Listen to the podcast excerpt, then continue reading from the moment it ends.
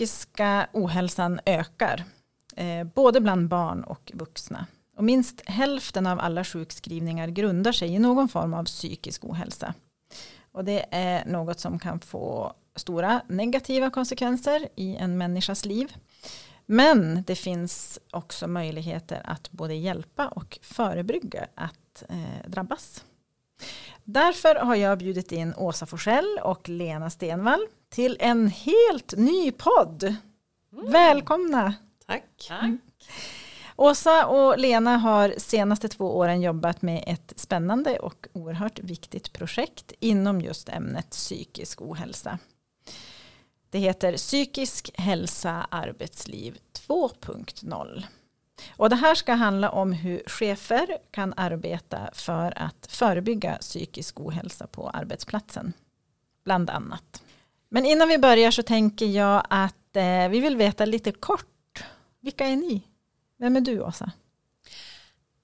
Åsa, jag eh, har en erfarenhet av att jobba som HR och chef inom socialkontoret och har det organisatoriska perspektivet i den här duon som vi är. Organisation och ledarskap, hur kan vi på strukturell nivå och vad behöver vi göra på den nivån för att vi ska kunna organisera på ett hälsosamt sätt. Mm. Och du då Lena, vem är du? Ja, eh, Lena Stenvall heter jag och jag har en bakgrund av att jag har arbetat som behandlare vid psykiatriska kliniken. Så psykisk ohälsa har jag mött mer på individnivå.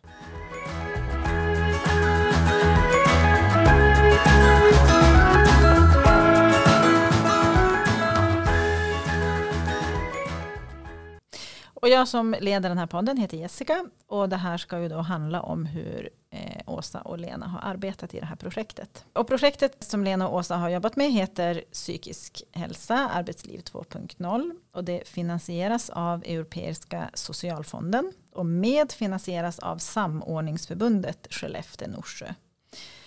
Och genom det här projektet har då chefer och medarbetare fått utbilda sig i hur de ska agera kring psykisk ohälsa.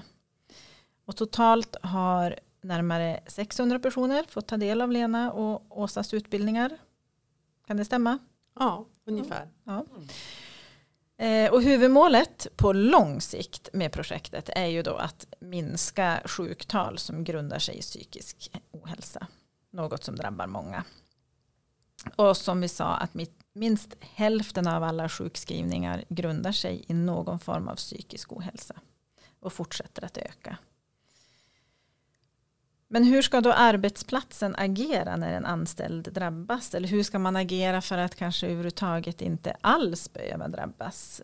Vilka kunskaper och verktyg har chefer för att hantera de här situationerna? Och det har ju då visat sig att många chefer inte har någon eller väldigt lite kunskap om hur man ska arbeta. Så som jag har förstått det så var det anledningen till att projektet startades. Mm. Kan ni berätta, varför behövs det ett sånt här projekt egentligen? Ja. Kör på. Ja, det, det, är ju, om man eh, liksom ska tänka om Eh, när jag och Lena började jobba tillsammans så, så, såg vi väl ganska tidigt att det finns ett glapp i kunskap att um, arbetsgivaren lär sig arbetsmiljöarbete och man jobbar med uh, grundläggande arbetsmiljöutbildningar och hur man ska organisera och strukturera och jobba systematik, eller med systematik. Men just det här med att kunna möta kunskapen om psykisk hälsa det är ju som steg två brukar jag säga. Att det är någonting som vi, vi behöver lära oss mer om som vi inte kan idag och utifrån det så börjar vi titta på vad är det vi kan fylla på med för kunskap för att liksom minska glappet kring att behöva kunskap kring psykisk hälsa det på ett annat sätt. Idag det står ju att vi ska ha kunskap om vad som orsakar ohälsa eh, och hur vi ska organisera arbetet för att minska eller förebygga och främja eh, ohälsa. Men det är ju också det där att vad är då psykisk ohälsa och vad är det vi behöver kunna utifrån det Eh, så. Ja, och jag tänker att om man vill förändra så behöver man förstå förändringen. Och jag tänker att eh, jag brukar börja med att fråga Är det någon som kan förklara i en mening vad psykisk ohälsa är för någonting? Och jag har än aldrig fått något svar. Däremot om man frågar är det någon som vet hur det känns att må dåligt så vet ju alla vi människor hur det känns att må dåligt. Men det här är ju en upplevelse, någonting som är diffust. Och den första insatsen handlar ju om att göra det här diffusa konkret. Alltså hitta en gemensam förklaringsmodell. Vad är psykisk ohälsa? Så det har varit det första som vi har gjort. Mm. Men, men att chefer eh, inte har så mycket kunskap om, om hur man ska arbeta med de här frågorna. Eh, mm. Hur, hur, varför är det så? Jag tänker ni? att eh, Åsa brukar säga att vi står nu inför det vi hade på 70-talet omkring ryggar och nackar. Att vi står inför ett nytt eh, område.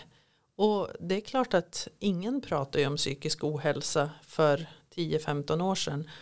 Och det finns inte per automatik med i arbetsmiljöutbildningarna. Så hur ska man kunna? Kan man ju istället vända på det. Hur skulle man kunna? Vi har ju faktiskt inte pratat om det här. Eh, och det handlar både om kunskap, ett gemensamt språk. För vad är psykisk hälsa? Vad är psykisk ohälsa? Men sen också tänker jag att det här är ju möten som kan bli ganska eh, laddade av olika. Det kan ju vara otroligt skönt att få prata när man mår dåligt. Men för en del kan det också vara rätt laddat. Så vi har också lagt vikt på hur kan de här samtalen se ut. Hur kan, hur kan man förbereda sig. Vad är det man kan ta hjälp av under. Och hur kan man dra lärdomar efter. Hur upplever ni att, eh, att den här tystnadskulturen om, kring att prata om psykisk ohälsa existerar idag? Absolut. Eh, det är väl en av anledningarna till att sjuktalen se ut som de gör idag. Och det är också därför vi behöver ha ett språk där vi kan förklara det här utifrån att vi är, utifrån hur helt enkelt hur våran hjärna och vårt inre fungerar. Eh, samtidigt så tänker jag att yngre idag har mycket lättare att prata om psykisk hälsa, ohälsa. Så det är ju någonting som verkligen kan fylla en med hopp om förändring. Folkhälsomyndigheten de beskriver eh, på deras sida så beskriver de psykisk hälsa så här. Psykisk hälsa, hälsa kan beskrivas som en tillgång eller resurs som gör det möjligt för oss människor att må bra och gör det möjligt för oss att uppnå vår fulla potential. Den psykiska hälsan påverkas av många saker. Den påverkas av ärftlig sårbarhet, vad vi gör, hur vi lever och vad vi är med om. Men också av de rättigheter, möjligheter eller begränsningar som samhället och vår omgivning ger oss. Så, så var i det här då kan vi liksom hitta arbetsgivarens roll? Hur ser ja, ni på det? det? Arbetsgivarens roll, det är ju en av anledningarna till att jag tycker att det känns bekvämt att ha lämnade efterverkande. Därför att det är ju hos arbetsgivarna vi kan jobba förebyggande. Alltså hur vi kan minska det här ohälsan på sikt. Det handlar ju om att arbeta förebyggande. Och då är ju hälso och sjukvården inte rätt ställe för den är ju efterverkande. Så det förebyggande samtalet och att prata innan man har börjat må dåligt. Att kunna skapa de här verktygen, de här samtalen, det här gemensamma språket och förståelsen för vad är hälsa och vad är ohälsa.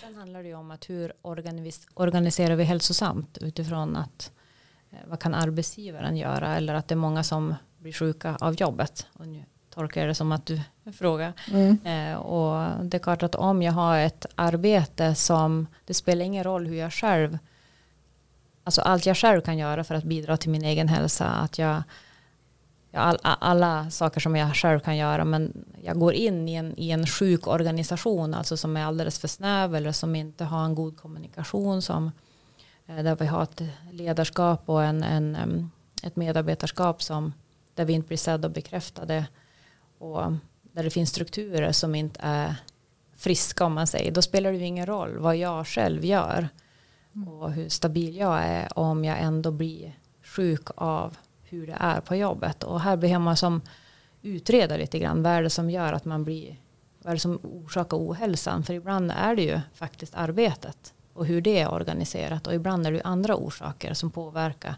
och som ger konsekvenser som gör att jag har en ohälsa. Mm.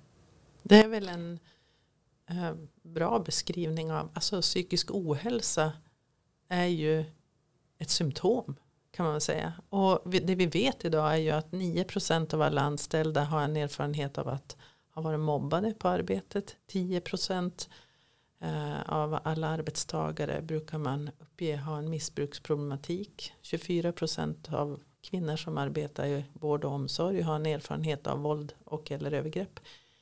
Och det är ju precis samma symptom plus allt annat som vi kan vara belastade av. Det kan ju vara oro för en anhörig eller sjukdom i familjen. Vad som helst som gör att vi har det svårt och utmanande. Och det är lite grann poängen med vårt projekt. Att börja prata om psykisk ohälsa.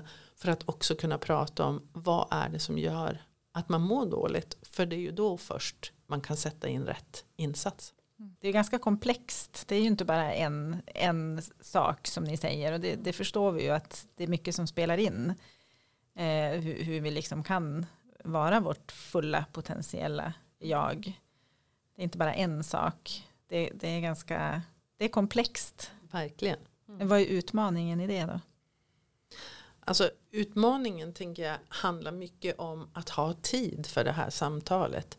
För att man ska kunna öppna sig och prata om sårbarhet och det som smärtar så krävs det ju ingenting man gör i korridoren med, när man möts i all hast utan det handlar ju om att, att ha tid och vi lever ju i ett samhälle som är allt mer inriktat på prestation eh, och det tar oss ju från de här samtalen som jag ändå tänker bara på den tid jag har arbetat så vi, vi hade ju mer tid för varandra i fikarum då innan skärmar fanns eller alla de här eh, som splittrar våran uppmärksamhet. Eh, men också att det har blivit ett stressigare arbetsliv det tänker jag vi kan väl också konstatera. Mm.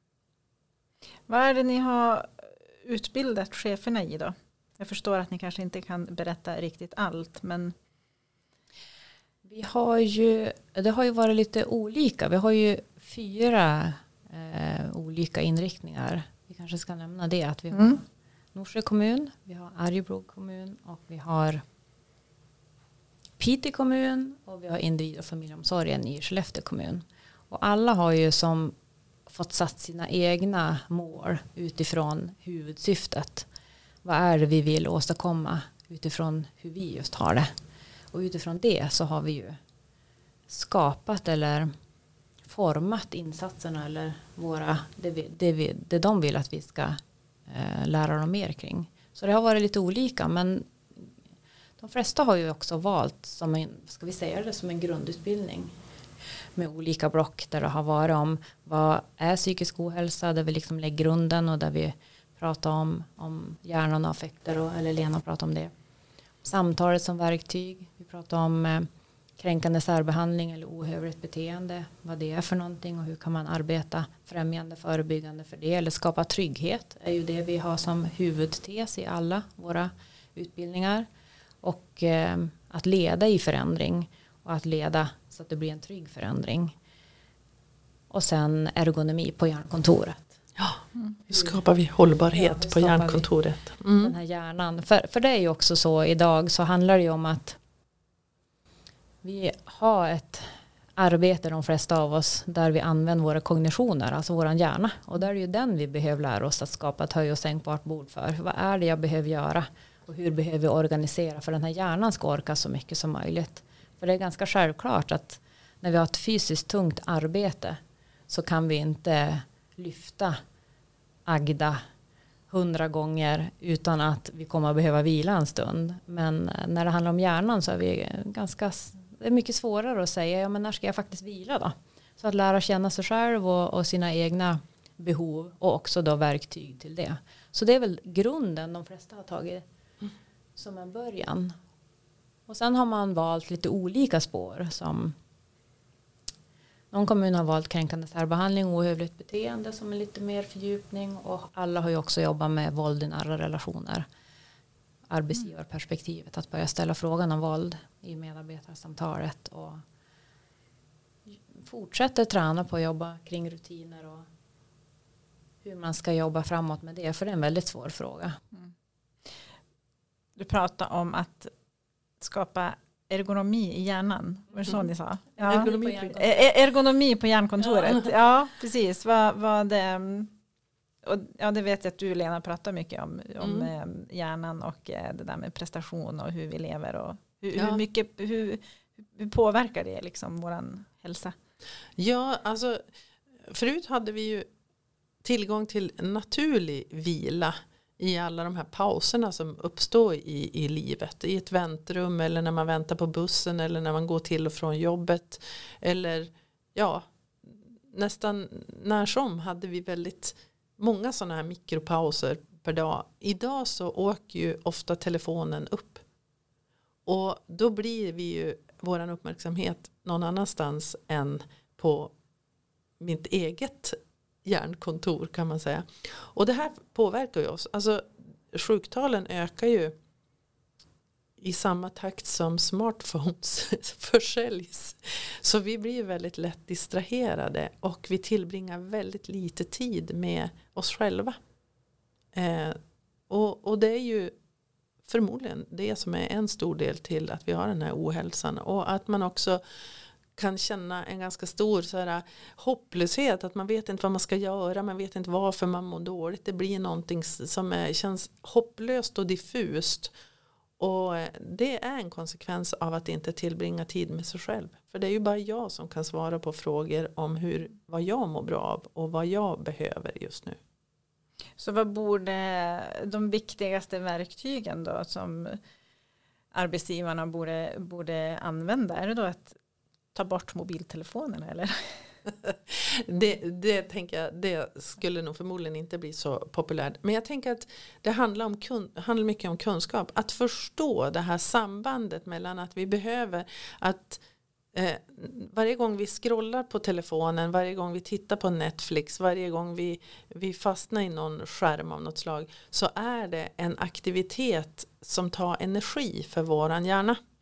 Och att återhämtning det handlar om när vi inte är bland skärmar, när vi är i tystnad eller när vi leker, skrattar, umgås med vänner, umgås med husdjur eller är ute i naturen. Det är naturlig återhämtning och det sätt vi människor har återhämtat oss i alla tider som vi har funnits. Och det är det vi har börjat tappa eh, kontakten med. Så, så att förstå det här, vad är det som sliter på hjärnan och vad är det som återhämtar hjärnan. Det tror jag är en kunskapsfråga helt enkelt. För det är ju ingen som vill må dåligt. Mm. Vi har ju verkligen jobbat med att öka kunskapen. För kunskapen är ju det som sen kan på ett lättare sätt kunna hjälpa sig själv. Att, ja, men, av det jag kan nu, vad är det jag behöver göra då? Um, och, och också att att de har fått reflektera mycket. Hur blir det här för dig som chef? Hur blir det här för dina medarbetare? Och att man har fått resonera med varandra. Och det har ju varit väldigt uppskattat. Och det ser man ju också. Reflektionstid är ju en, en sån tid som också är en del av en återhämtning. Där man, vart är det bra? Ska vi tänka på ett annat sätt? Ehm, kan jag förbereda mig på ett annat sätt? Behöver jag mer pauser? Ja, behöver jag göra på ett annat sätt? Och görande ska vi väl säga med stora bokstäver mm. är ju vårt huvudfokus. Mm. Vi hela tiden, vi kan ju lära dem hur mycket som helst. Det kommer ju inte att göra skillnad. Utan det är ju görandet som är skillnaden. Så att de har ju fått gå hem och prova och testa och alla har ju fått välja själv. Men någonting ska man prova göra om det är att ställa en annan fråga, lägga upp jobbet på ett annat sätt, eh, lägga in mer reflektionstid, vad som helst utifrån de här olika temana som har varit. Och det är ju det som har gjort att de har tagit kliv mm. framåt och det har blivit på ett annat sätt. Men vad har ni fått för reaktioner då från de som har gått de här utbildningarna nu? Just det där med konkreta verktyg att gå hem med både som underlag för samtal eh, bilder, bildstöd för att kunna beskriva vad är hälsa. Här har vi använt oss av Paul Gilberts trecirkelmodell för att beskriva vad hälsa är och ohälsa är. Och det där att man har fått konkreta verktyg som går att omsätta direkt man kommer hem dagen efter så kan man prova det har varit både en målsättning för oss men också det som har varit väldigt uppskattat. Cheferna är otroligt mån om sin personal. De vill verkligen eh, finnas där och kunna hjälpa till. Och det känns jättefint att vi kan tillhandahålla både verktyget språk och en eh, förklaringsmodell till hälsa och ohälsa som man faktiskt kan omsätta på en gång.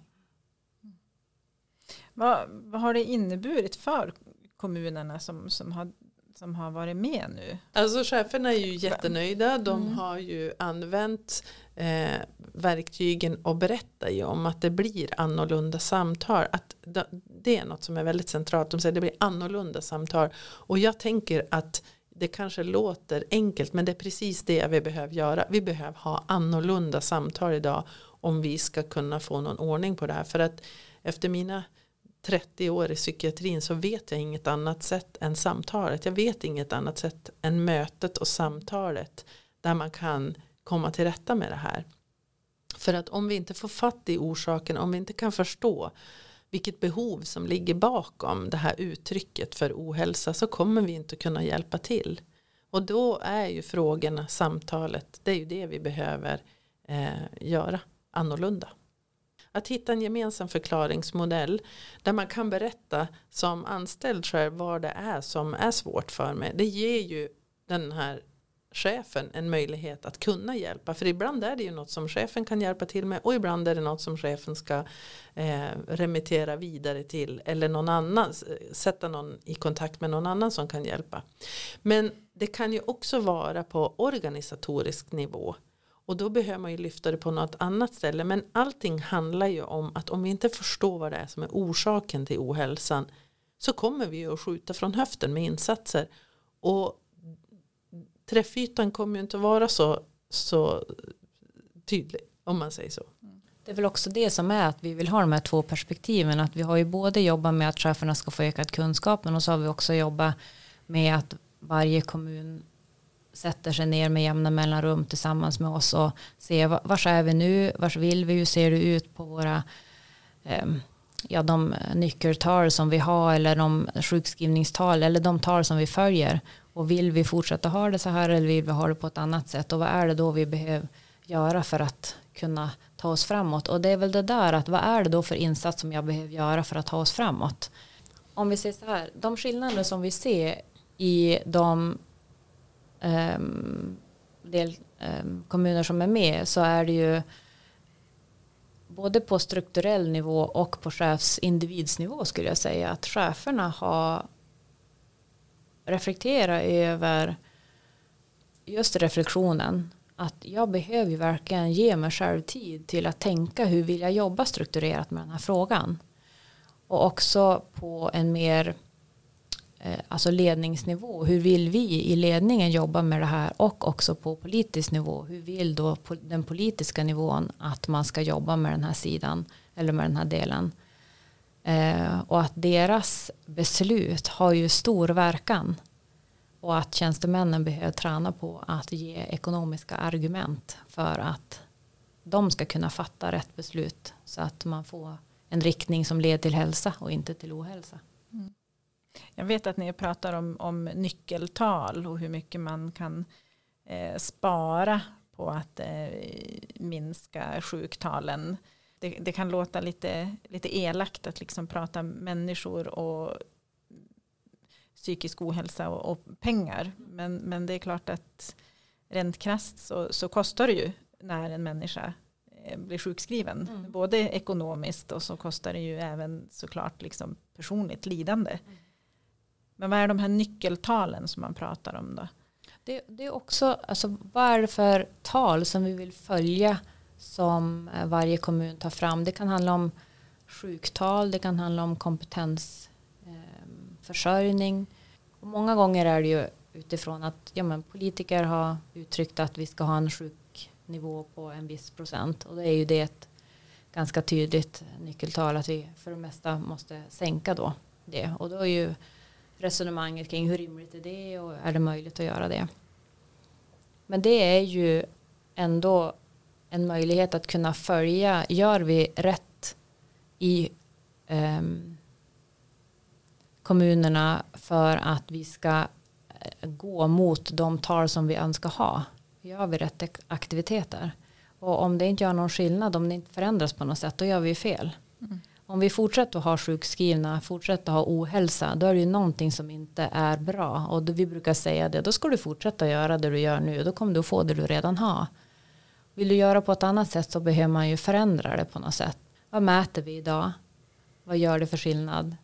Och ska vi fortsätta göra det eller är det någonting annat vi behöver mäta för att vi ska få ett annat resultat?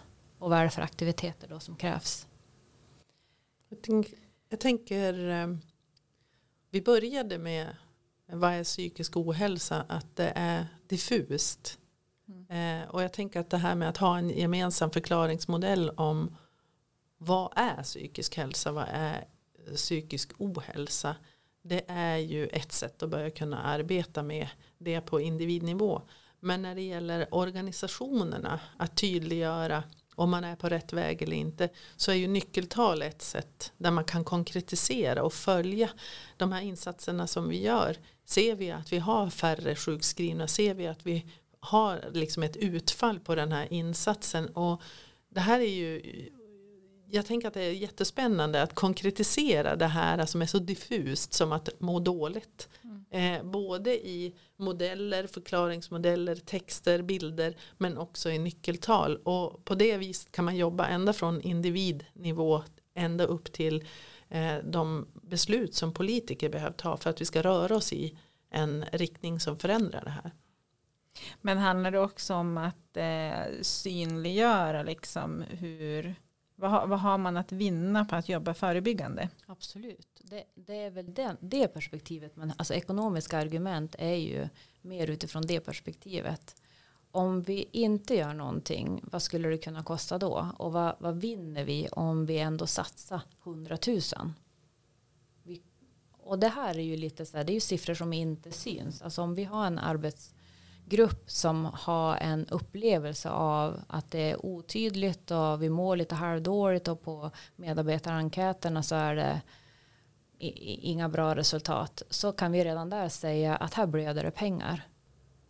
Man tränas ju in i att se på den organisatoriska delen på ett annat sätt. Att okej, okay, vi har om vi, om vi inte gör någonting då kostar det. Då ser vi vad det kostar. Men om vi faktiskt gör någonting då kan vi alltså tjäna pengar.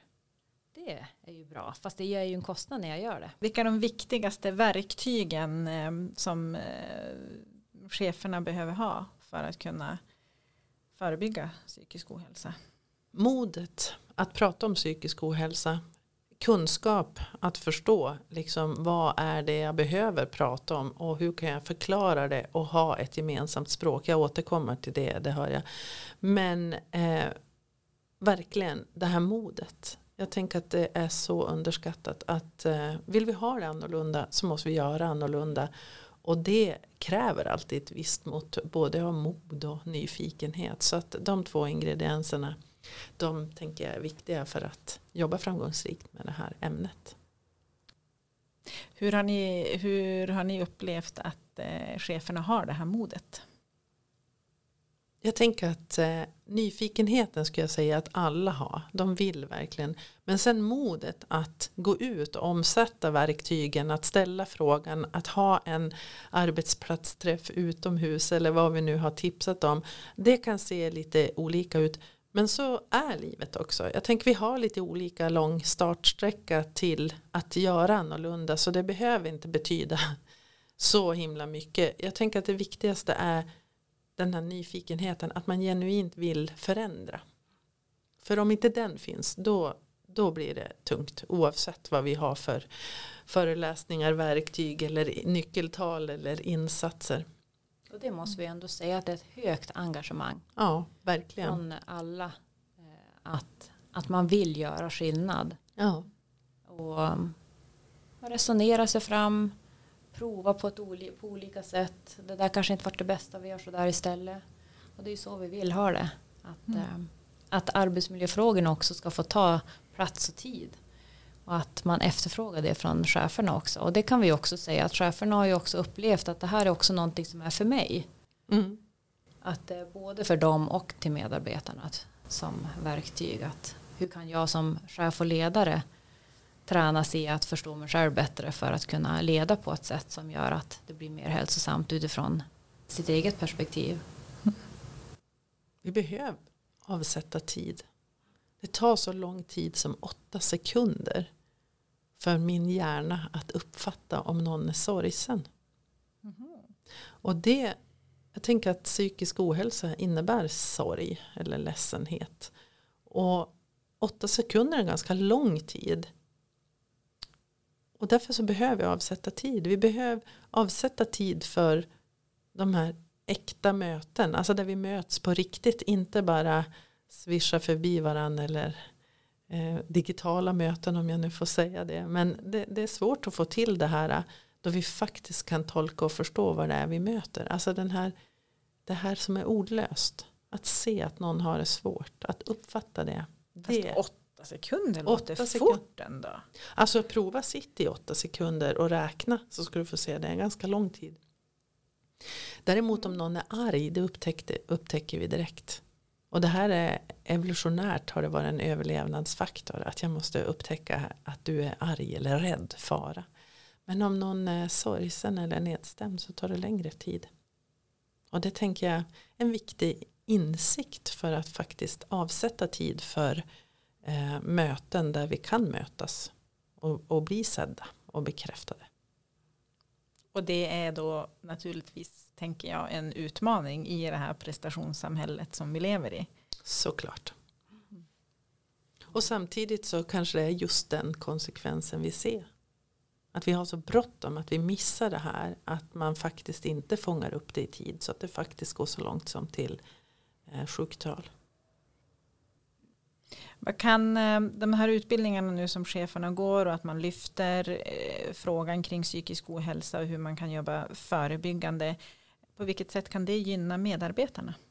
Ja, vi uppmanar, uppmanar ju cheferna att ta med sig de här eh, bilderna och verktygen till samtal ut på arbetsplatsträffar att prata om psykisk ohälsa och informera om att det kommer att komma antingen i eh, medarbetarsamtalet eller i andra samtal där man kommer ha det. Som, en, som att man eh, informerar om det här. Och bara där så har vi ju flera exempel på att det har blivit diskussioner och att eh, medarbetarna oftast är väldigt tacksamma och glada över det. För att det är ju angeläget. Vi kan ju inte säga någonting annat än att det här är ett angeläget ämne.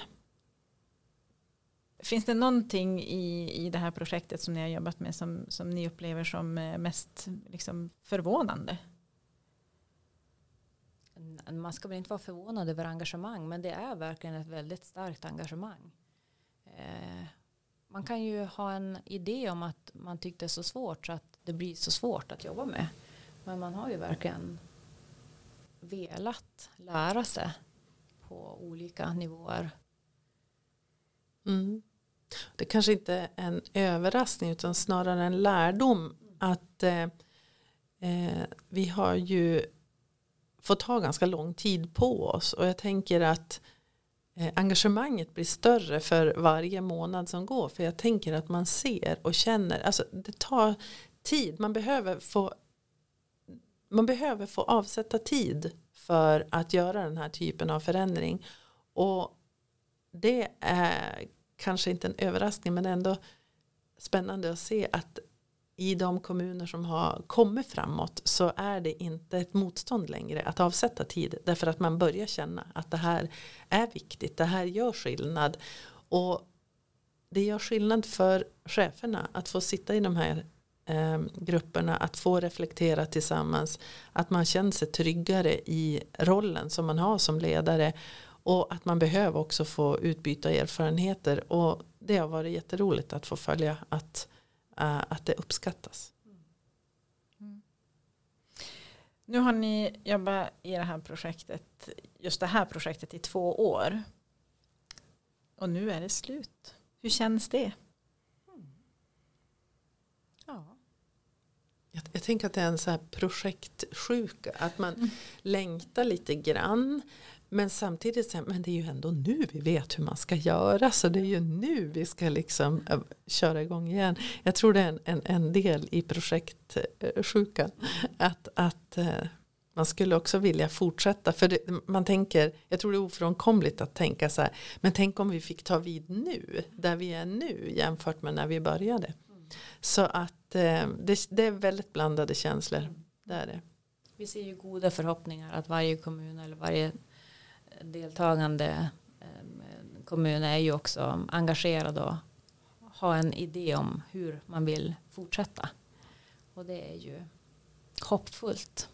Ja, vad händer i framtiden? Ja men det har väl varit en jätteviktig del tänker jag det jobb som du också har gjort. Att nu på slutet så att ha varit med och samla ihop och förankra hur ska vi jobba vidare. Man drar upp riktlinjer och och fortsatt det arbetet som, som är förankringsarbetet. För det är ju det är flera delar i att göra en förändring och det är ju nog så viktigt.